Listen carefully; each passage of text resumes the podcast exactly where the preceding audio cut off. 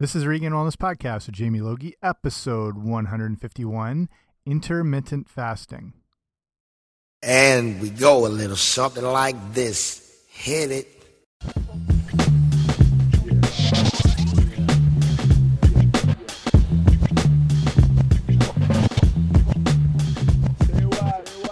Hey guys, what's happening? Welcome back to the podcast. I'm Jamie Logie. I run regainedwellness.com, and you are here at the Regain Wellness Podcast. Thanks for coming on out. I appreciate it. Today's show is going to have a lot of science and a lot of my own personal experiences because we're talking about intermittent fasting, fasting in general, big topic, probably one of the more, I don't know, bigger movements in, in health, fitness, and nutrition and I don't know if it's something you've done or if you looked into or you wanted to know more of the insights behind it, how it works, the research. This will have you all covered. So there'll be a lot in this episode. But before we get to it, make sure to subscribe to the podcast wherever you get your podcasts. I don't know where you get them. I don't. I won't judge. I won't ask. If you get them from iTunes, Apple Podcast, that's awesome. But if not, anywhere you'd get a podcast, I should be there, like the Jackson Five. Okay, I don't want to waste any more time. Let's get right into this. All right, so this is a big old subject, and we're looking at intermittent fasting in a few different ways from the concept of time restricted eating where you only eat over a 8 hour period or 6 to 8 hour period and then you fast for like a 16 hour period up to you know full 24 hour fasts.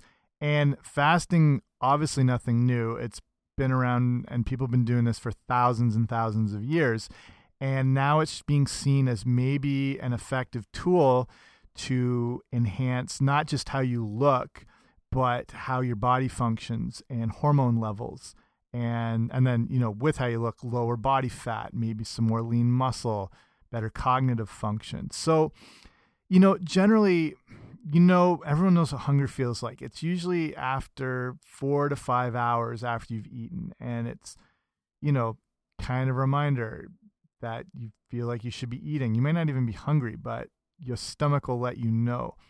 And if you do let that go for a while, it immediately diminishes. And after a while, even if you haven't eaten, you get less hungry. And the problem is, people live in panic of not being able to eat or going two to three hours without a meal. And, and it's, it's almost like they fall apart and melt down. And that might not be the worst thing in the world to go a little while without eating. But if you're going through this period of, you know, these fasting phases, you, you can go a little while without eating. You won't, you'll, you'll get less hungry. But around 20 to 24 hours later, the hunger comes back again. But it's not going to be as bad as it once was. And there's a real scientific reason for this.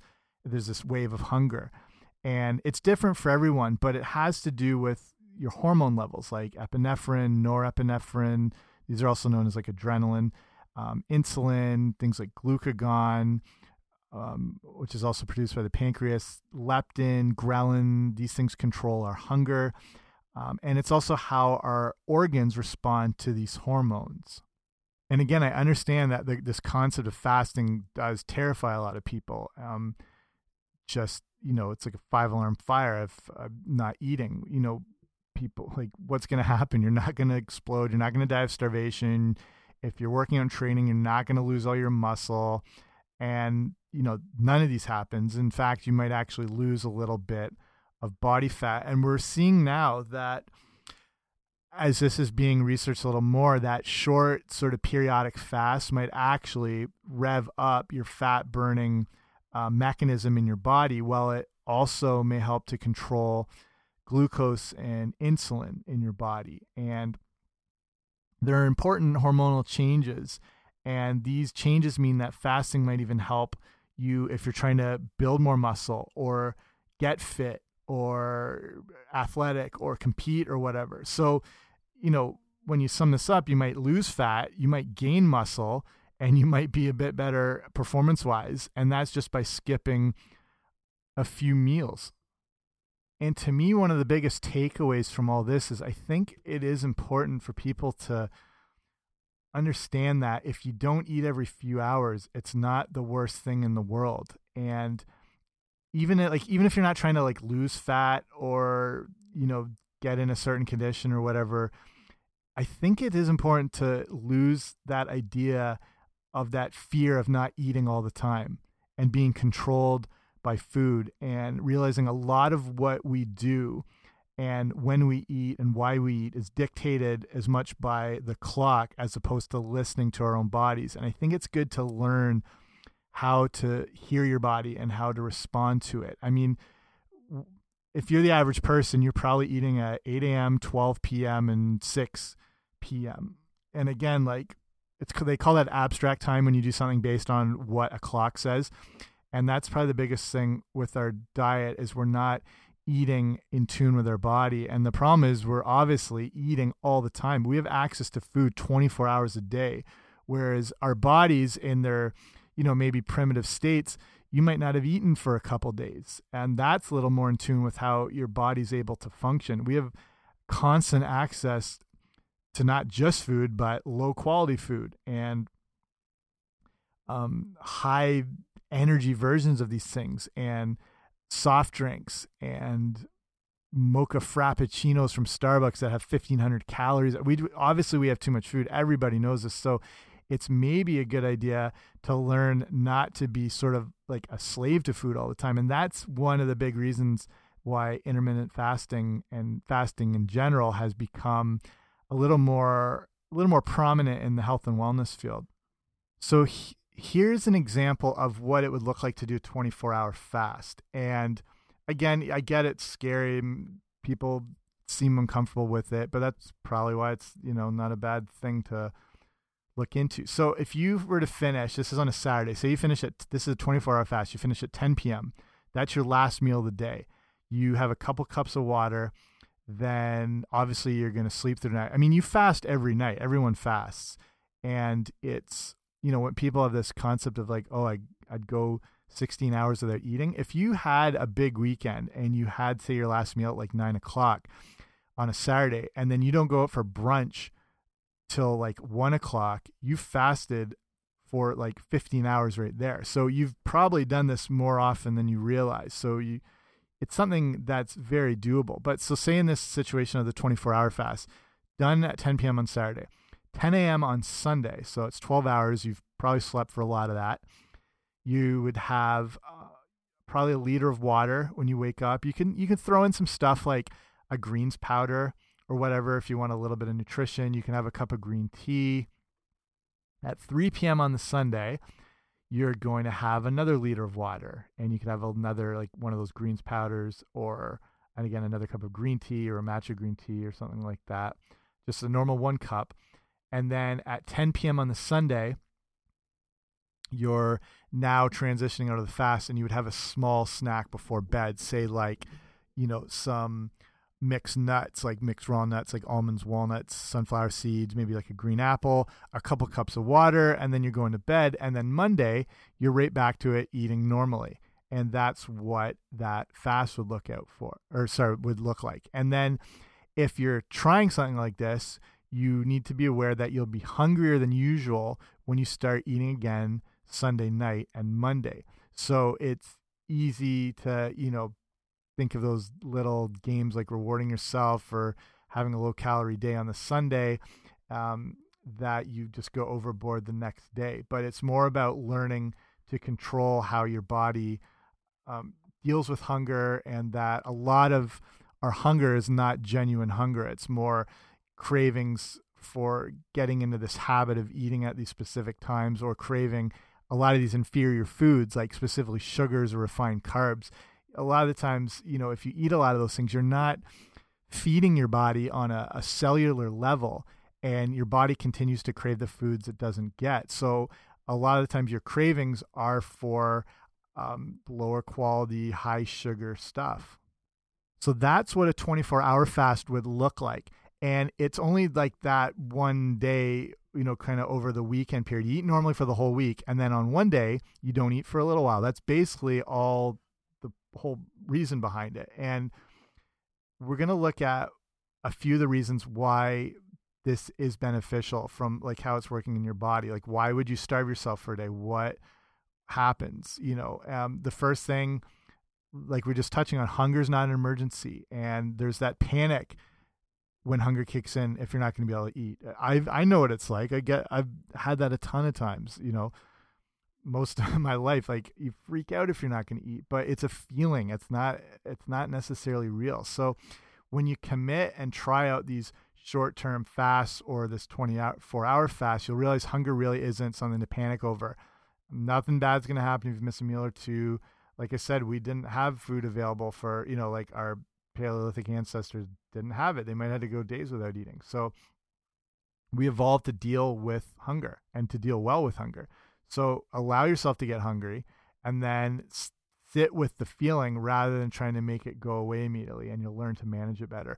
And then again, there's a physical and psychological hunger, like I touched on with like certain certain things you're craving. But often when people think they're hungry, they're not experiencing true body hunger.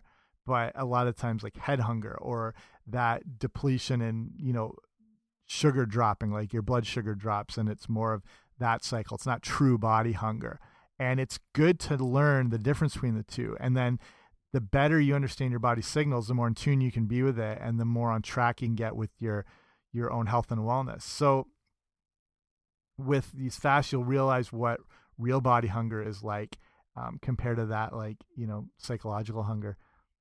So that's starting with the psychological kind of benefits about learning to not feel controlled by your stomach, and now look a little more at the scientific and medical benefits. So now I'm looking at some good research and info from Precision Nutrition, which is one of the best online um, kind of health, wellness, nutrition, fitness. Um, I get I don't want to call it a movement, but they like they do a lot of. It's based out of Canada, and it's probably the best online health coaching um, domain in the world. And all everything they do is backed up by massive science. They're all like PhDs.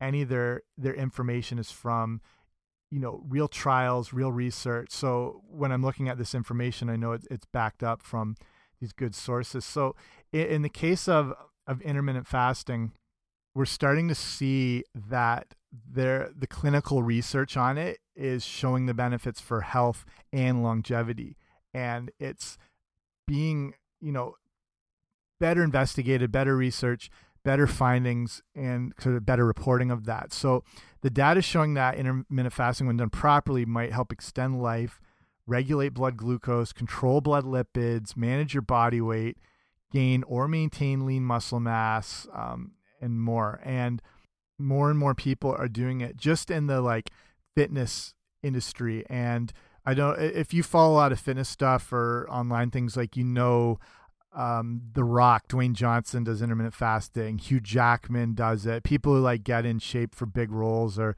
constantly, and it, it looks a few different ways. And like I said, I do it, but I I'll get into that a little later. And there's you know the different formats. There's that 24 hour fast. There's doing it over a 16 hour fasting period, an eight hour window. But basically, when we're looking at this concept of the fast, it's the the the benefits from it are amazing. So look, let's look at here. So here's what's reduced when you're doing some form of this fasting. Your blood lipids are reduced, increase, including decreased triglycerides and your bad LDL cholesterol, reduced blood pressure, reduced markers of inflammation, reduced oxidative stress, and that's you know you know about like free radicals and antioxidants help to combat that. And you know when you have too much oxidative stress or these free radicals it's you know it can cause certain diseases dna damage all that sort of stuff reduce risk of cancer. Um, that goes in pretty deep but that, that's just some of the things we're looking at so far. Then it's going to increase your cellular turnover and repair. I think they call it autoph autophagy basically it's like a cleansing of your cells increase fat burning um, increase growth hormone release. That, that, this is an amazing thing. With um, everyone knows about growth hormone, and uh, you think of it purely from a physical standpoint, you know, for muscle and power and that. But growth hormone is responsible for longevity and longer life, um, increased metabolic rate, especially later in the fast. Um, you get improved, like you said already, improved appetite control. Maybe that's because of those changes in some of those hormones, like I mentioned, like leptin and ghrelin and things like that. You have improved blood sugar control. That's a big one. So it's good for people with you know diabetic issues or, or blood sugar issues that it's your body's a little more what they call insulin sensitive. You don't need as much insulin pumped out. Your body handles sugar a lot better. Um, improve cardiovascular function, and it offers you know protection against injury to the heart. Improve. This is interesting. Improve effectiveness effectiveness of chemotherapy, um, and it allows for higher doses more frequently. There's improved neurogenesis and neuronal plasticity. So that's like protection in the brain and better cognitive function. Um, so, I mean, it does look amazing. And it's, you know, why isn't everyone doing this? But everyone is doing this, like we mentioned before. Most people are at least fasting 12 hours every single day, unless you eat like right up to midnight, sleep six hours, and get up and eat right away. Most people, I mean, if you're having your last meal at eight o'clock at night, and some people are probably even earlier, and then you don't eat till eight in the morning, there's your 12 hour fast right there. You're already doing it. It's more about just like, you know, kind of extending it a little more and a little more. And the more you extend it, and I'll talk about this in a bit about not, you know, jumping in head first and going to like a 20 hour fast, but starting slow and building from there, which you're already doing. You're probably doing already this 12 hour fast. And the, the thing is, though, like you want to gradually extend it because the current research is showing that some of these benefits may only be realized after the longer periods of fasting, say around 20 to 24 hours. And again, that depends on your activity levels. So, example, again, this is coming from Precision Nutrition.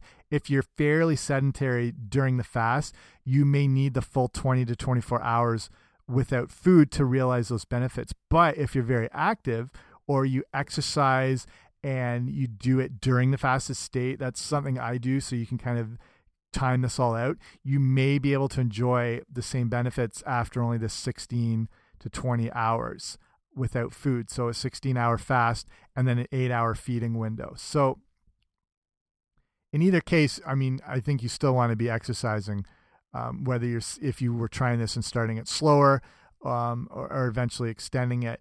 Everything seems to be amplified when you exercise and you get those benefits. Like when you have that better growth hormone release you should be putting that to use by being active. Get like you don't have to be in the gym lifting weights but that definitely helps and you probably should at some point but at least being physically active and let your body make use of those you know better new hormonal changes but before we keep going deeper i think it's important to look at some of the problems because it's like anything, it's just not clear cut across the board. And because when we're talking about people, we're talking about a huge amount of variables and everyone's different. So it's not a, a black and white cookie cutter approach that's necessarily going to work. So if you're, you know, if you've had reservations or you're maybe not in favor of it, I'm going to look at some of the info again from Precision Nutrition uh, about potential problems. So, one of the first ones being that most of the research to date has been done using animal models, and most nutrition information is done with animal models. There's nothing unique there. There's very little things that are actually done with with human studies uh, across the board, whatever it is. So, you know, animals are they're convenient for test subjects, but they're not perfect for predicting human responses.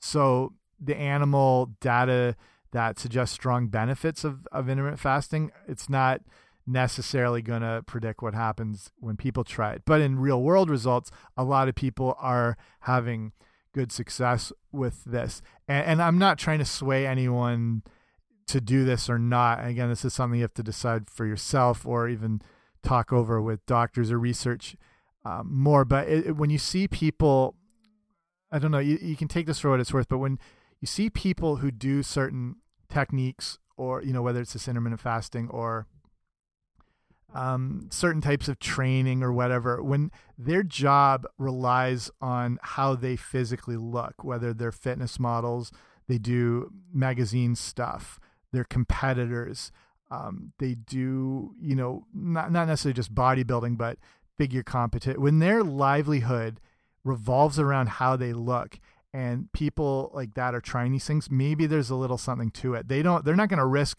losing their house um, and not being able to eat and not being able to pay their rent or their car payments uh, by you know wading into a, a certain technique that's only going to cause detriment to how they look. They need to look their best. That's their job. That's their career. So when some people are embracing these things, um, whose lives depend on how they look, you know, maybe there is a little something to it. So that that's just the thing when we're looking at any of these models, you know, there there's real world examples, but you know, sometimes with the animal studies, it's not going to correlate exactly to people. So next problem is intermittent intermittent fasting is often compared with normal eating. And whether that's standard you know, it depends what you're eating. In the case with um, the animal studies, they're going to be eating things specific to like whatever rats would eat, or if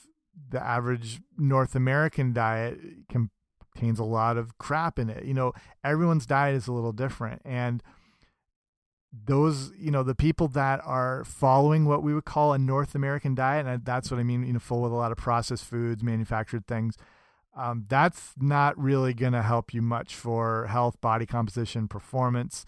And, you know, in comparing study participants using intermittent fasting strategies to those using those, you know, really crappy dietary intakes without fasting, of course, intermittent fasting is going to look better. Anytime these people who are eating a standard crappy North American diet, um, compared to someone who's restricting all those things, and of course, intermittent fasting is going to look better. So, I understand that side of it if people are just, you know, uh, maybe it's stacking the deck a little more in favor of intermittent fasting.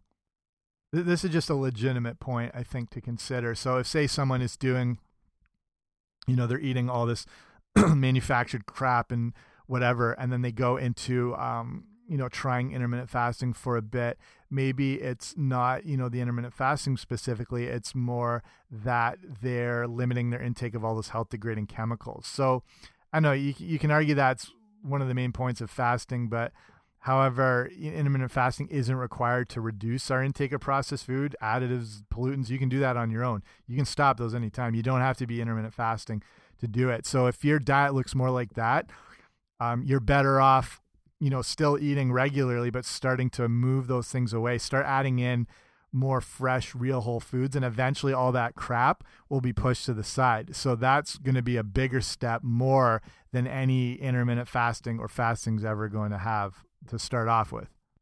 Another issue is it is it just a fact that they're eating lower calories, and again that might be the case, and especially you know some people who um, you know, if they've been eating bad and whatever, and they're trying to get on better track, some people do a lot better with breakfast, while some people do better with skipping breakfast and not having their first meal till around like 12 or 1. And they might be doing well because they're taking in overall less calories through the day.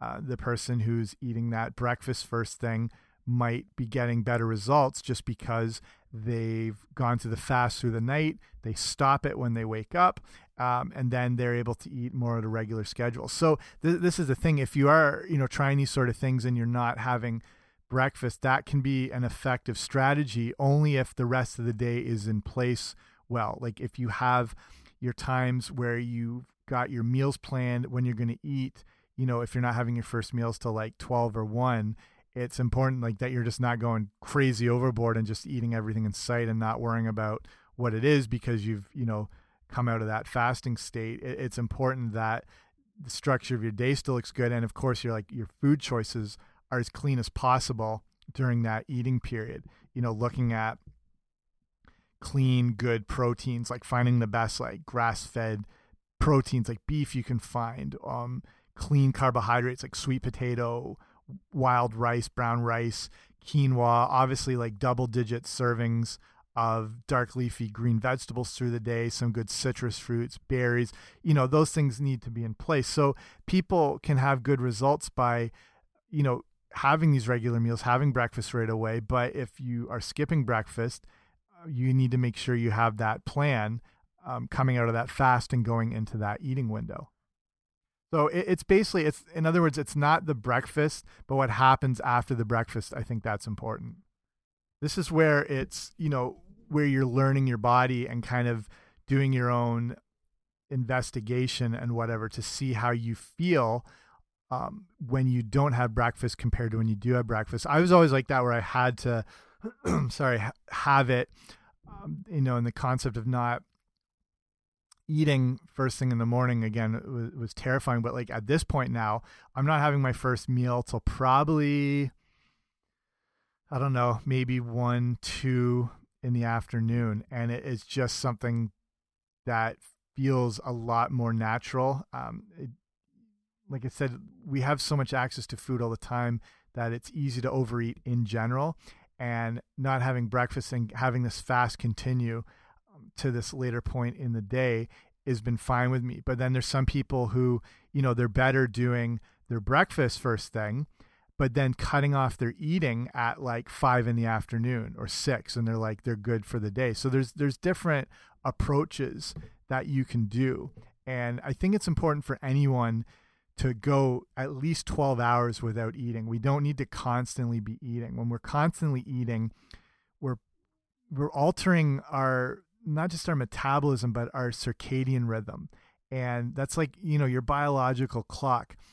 And it needs to kind of go in its own cycles and its own set and it needs to slow down later in the day. But if you're eating later into the night, your body's still engaged and and your biological clock is still active. It, it needs its time to like basically turn off where you sleep rest recover fast and then it can get more in tune with the natural cycle. And, and the more your circadian rhythm is in check the better it is for your overall health.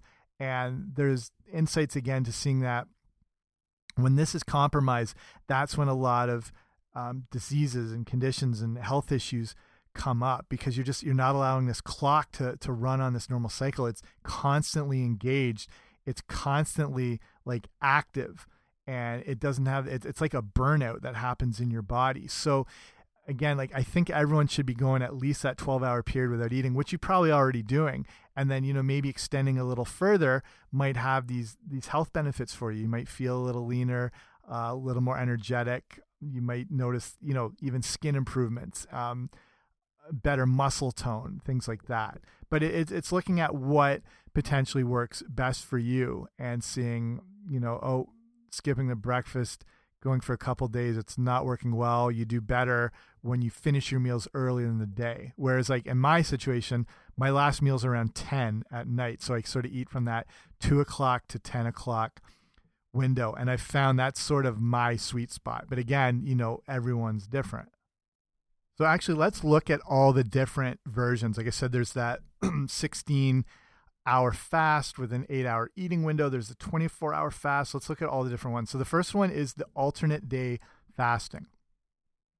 So that's a 36 hour fast with a 12 hour feed. So with this, you're simply eating every other day. So on Monday, you'd eat within a 12 hour window, say 8 a.m. to 8 p.m. Then you'd fast overnight on Monday and all day overnight on Tuesday. You'd eat again from 8 a.m. to 8 p.m. on Wednesday, and so on. And you alternate back and forth. So the alternate day fasters are really needing to make really good eating choices. Uh, they're allowed to eat what they want on the non fasting days, but I mean, the, the choices just have to be super, super clear. It's clear.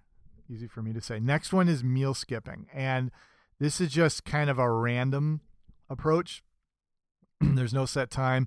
Some intermittent, intermittent fasting proponents believe we should behave like our evolutionary ancestors did as humans evolved to get their food and exercise randomly, and so should we. So, this brand of fasting includes eating unprocessed evolutionary friendly foods, kind of like paleo sort of stuff, and randomly cycling daily calorie intake. And then, you know, you'd skip breakfast or you'd skip dinner uh, here or there, and the rules are are very flexible. So it's it's a very random, unstructured approach. But if you're really in tune with your body and you've been trying different um, meal approaches, this might be something that you can kind of get more in tune with. So then there's another one called Eat Stop Eat. It's a little more obscure. It's a 24 hour fast one or two times a week, kind of like what I started with talking about, like looking at what a full you know original 24 hour fast would look like so you fast full 24 hours once or twice a week still eating sensibly a little higher protein, you know, obviously minimizing processed foods for the rest of the week. It's flexible. You can choose whatever 24 hours you want. if you want to go from breakfast to breakfast, you can do it. Um, you know, just say eat breakfast on a Monday and don't eat again until breakfast on Tuesday. If you want to fast from dinner to dinner, you can do that. So eat dinner on a Wednesday and don't eat again until dinner on Thursday. So um, there's a guy, what's his name? Brad Pilon. Pilon. He's he's Canadian. He's got a book called Eat Stop Eat, and he's one of the big proponents of eating that way. Uh, the next one is more what I follow, and they call it lean gains, and it's that 16 hour fast, eight hour feed. It can go up to maybe 18 hour fast, six hour feed. I do that sometimes. So it's, you know, got a few food rules on top of it. It's got to be a bit higher in protein. You should, you know, you can cycle the carbohydrates. It's a little more athletic based, and that's why I do it. It includes training fasted, um, which sounds uh, absurd, but I'll I'll touch on that just in a sec. Um, and it uses more nutrient timing, so you're eating the bulk of your calories after you exercise. Um, so say, you know, like I told you, my version, you know, you could do from 9 p.m. till 1 p.m. I go from sort of 10 till 2. Um, with the exercise portion, it's it seems counterintuitive to work out on an empty stomach and you're not necessarily even working out on an empty stomach. What you can do is if you're going into the 16 hour fast so say i've got two hours to go till the fast so say I, am gonna or till i break the fast i'm gonna eat at two o'clock i'll do my training around 12 or 1230 so that way, by the time I'm done and give it another little half hour where you might have a little bit extended body fat burning, um, by the time that's all done, I'm right into the eating period. So then I can, you know, it's it's not going to be a long time without food. And there's a few other things you can do. You can have like branch chain amino acids while you're working out. It you know can preserve some muscle. You can even do a quick like 20 grams of whey protein um, just before you start training, just so they're available in the bloodstream and then there's not that muscle breakdown. It's really hard to actually, it takes a lot longer to break down muscle than people think. So the idea of training like that seems kind of ridiculous, but it, it's to me, it's probably my favorite way I've ever trained. or something, I don't know, your head's a little more clear. It, maybe it's partly with the effects with intermittent fasting. Like I said, there's that cognitive function that's a little more um, upscaled, I guess. And I don't know, it's something you just you feel a little lighter and you feel a little more mobile and still strong. Like I, I've training this way and eating this way, I've still been um, not as strong as I've been like way back in the day, but um, considering that you're doing a sort of fasted training, still even stronger than compared to like when I have meals and going to the gym.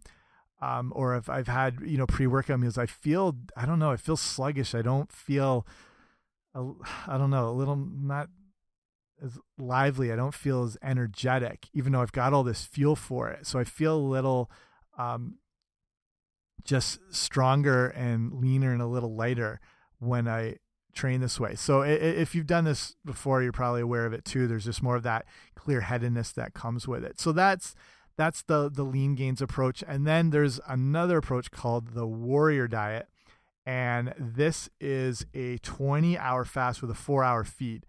And on this plan, you would either fast or eat very small amounts of specifically recommended foods now for the first 20 hours of each day, working out during this period. Um, so you're going to be under eating, and then you would just eat the majority of your daily intake within a four hour feeding window. And after that four hour feeding period, you would repeat the under eating fasting for the next 20 hours. Um, generally, most people will place the four hour overfeeding window at the end of the day. It's a little more convenient, stuff like that. The one of the fittest guys I know and strongest uh, does this: the 24 or sorry, the 20 hour fast, four hour feed. So goes the whole day, trains, and then he doesn't eat till six at night, and then eats from six till ten. Um, so you know, take that for what it's worth. So those are all the different approaches, and they they seem very different, but we're looking at basically the same thing a longer fasting period and a shorter feeding period. And they vary between, you know, say it's 20 hours on and four hours off, or 16 hours off, eight hours on. Like they, the feeding and fasting window just sort of shortens and widens depending on the choice. So it's the main thing about this period of time where you're basically just not eating every 90 minutes. I mean, your your body's constantly active and your digestive system's working overtime and your pancreas is constantly secreting insulin all the time. Um, it's it's just can be overwhelming on the body. And so again, like I'm not saying everyone has to eat this way, but you already are a little bit, and maybe it's something you want to play around with. And again, I'd say read more and investigate more. Use this podcast as sort of a jumping off point. There's a ton of information out there now. I'll link up some more if you want to see some things. Um, so if you go to regainedwellness.com slash 151 and just have a little deeper um, insights. I did an episode way back with a professor from the university. I went to University of Western Ontario here in Ontario, Canada. It's now actually technically Western Ontario. His name's Dr. Peter Lemon, and he's a big proponent of intermittent fasting, studies it. I'll link that episode up. The whole episode's not just about intermittent fasting, it's about nutrition in general, and that is a touch on point, so we both talk about it. So I'll link that show up. So if you go to regainedwellness.com slash 151, you'll see that right there. So um, again, it's just getting as much information as possible. I'll start like winding it down here. I, I think there's a benefit to it. I think our modern way of eating has caused us a lot of problems. The first step is, you know, getting away from that and not worrying about when you eat, but worrying about what you eat, getting the cleanest foods possible, keeping as real as possible through the day, and then realize, you know, there are some benefits that it looks like that are coming from these periods of when you're restricting yourself eating. And if you've never done this before, just, you know, do what you're normally doing. You've you know, remember when you've had your your last meal of the day, think about when your breakfast would normally be, and then maybe extend it an hour or two, and then you know slowly build up and maybe try a little different version of that. It, it gets it gets complicated, and there's some issues and and research out there uh, in regards to women not going over a longer fasting period than more than um, 12 to 14 hours ideally just when we're looking at different hormonal levels and issues and stuff like that. So it's um, if you're a woman and, and, if you are training and active in fitness, it's something it doesn't look like you want to go too far on. But then the idea of you know maybe potentially building up and trying a 24 hour fast just to see what the health benefits can come from. And again getting in more tune with your body and realizing what psychological versus physical hunger is like. I, I think it, it, you know it might have those benefits again to realize it's you know not the end of the world if you don't eat and allowing your body to kind of get into a better balance and not you know constantly starving and stuff all the time. So you know please read up more on it. I'll link up more articles if you want to go deeper into it. I'll put that whole precision nutrition um, information i got and as well one of the the main guys one of the phd guys who runs the whole thing and his studies and he's doing all his blood work as he goes and stuff like that. And um, a little yeah a little more deeper science if you want to get as much information as possible. So hopefully like i said this is a lot of information a lot of um, science insights research hopefully stuff you can take away from it. Um, maybe it's got you thinking. If you're not interested again not a big deal. You just want to you know continue eating with a way that's been beneficial to you and that you've been able to kind of find that sweet spot with. Um, as long as you you know you, are feeling like you're progressing and you're on top of your health and nutrition then obviously keep going with that. These are just you know intermittent fasting stuff like that are are separate tools now that seem to be available as we learn more about them and get more research and stuff like that. So you know the more tools you have the better equipped you are for building all your you know your best health and your best wellness and everything like that. So if you had any more questions on it actually just email me. I'll hopefully be able to answer everything. Email me info at regainedwellness.com i read everything so even if you just want to say hi or any other things you want to see potentially covered on the show questions everything like that i'll be happy to check it out okay i'll cut it off here thanks for listening again make sure you subscribe to the podcast if you really like it leave a rating and review. That makes sure that more people get exposed to it, can see it, and then everybody's happy. Okay, I'm done. I'll see you later. Bye.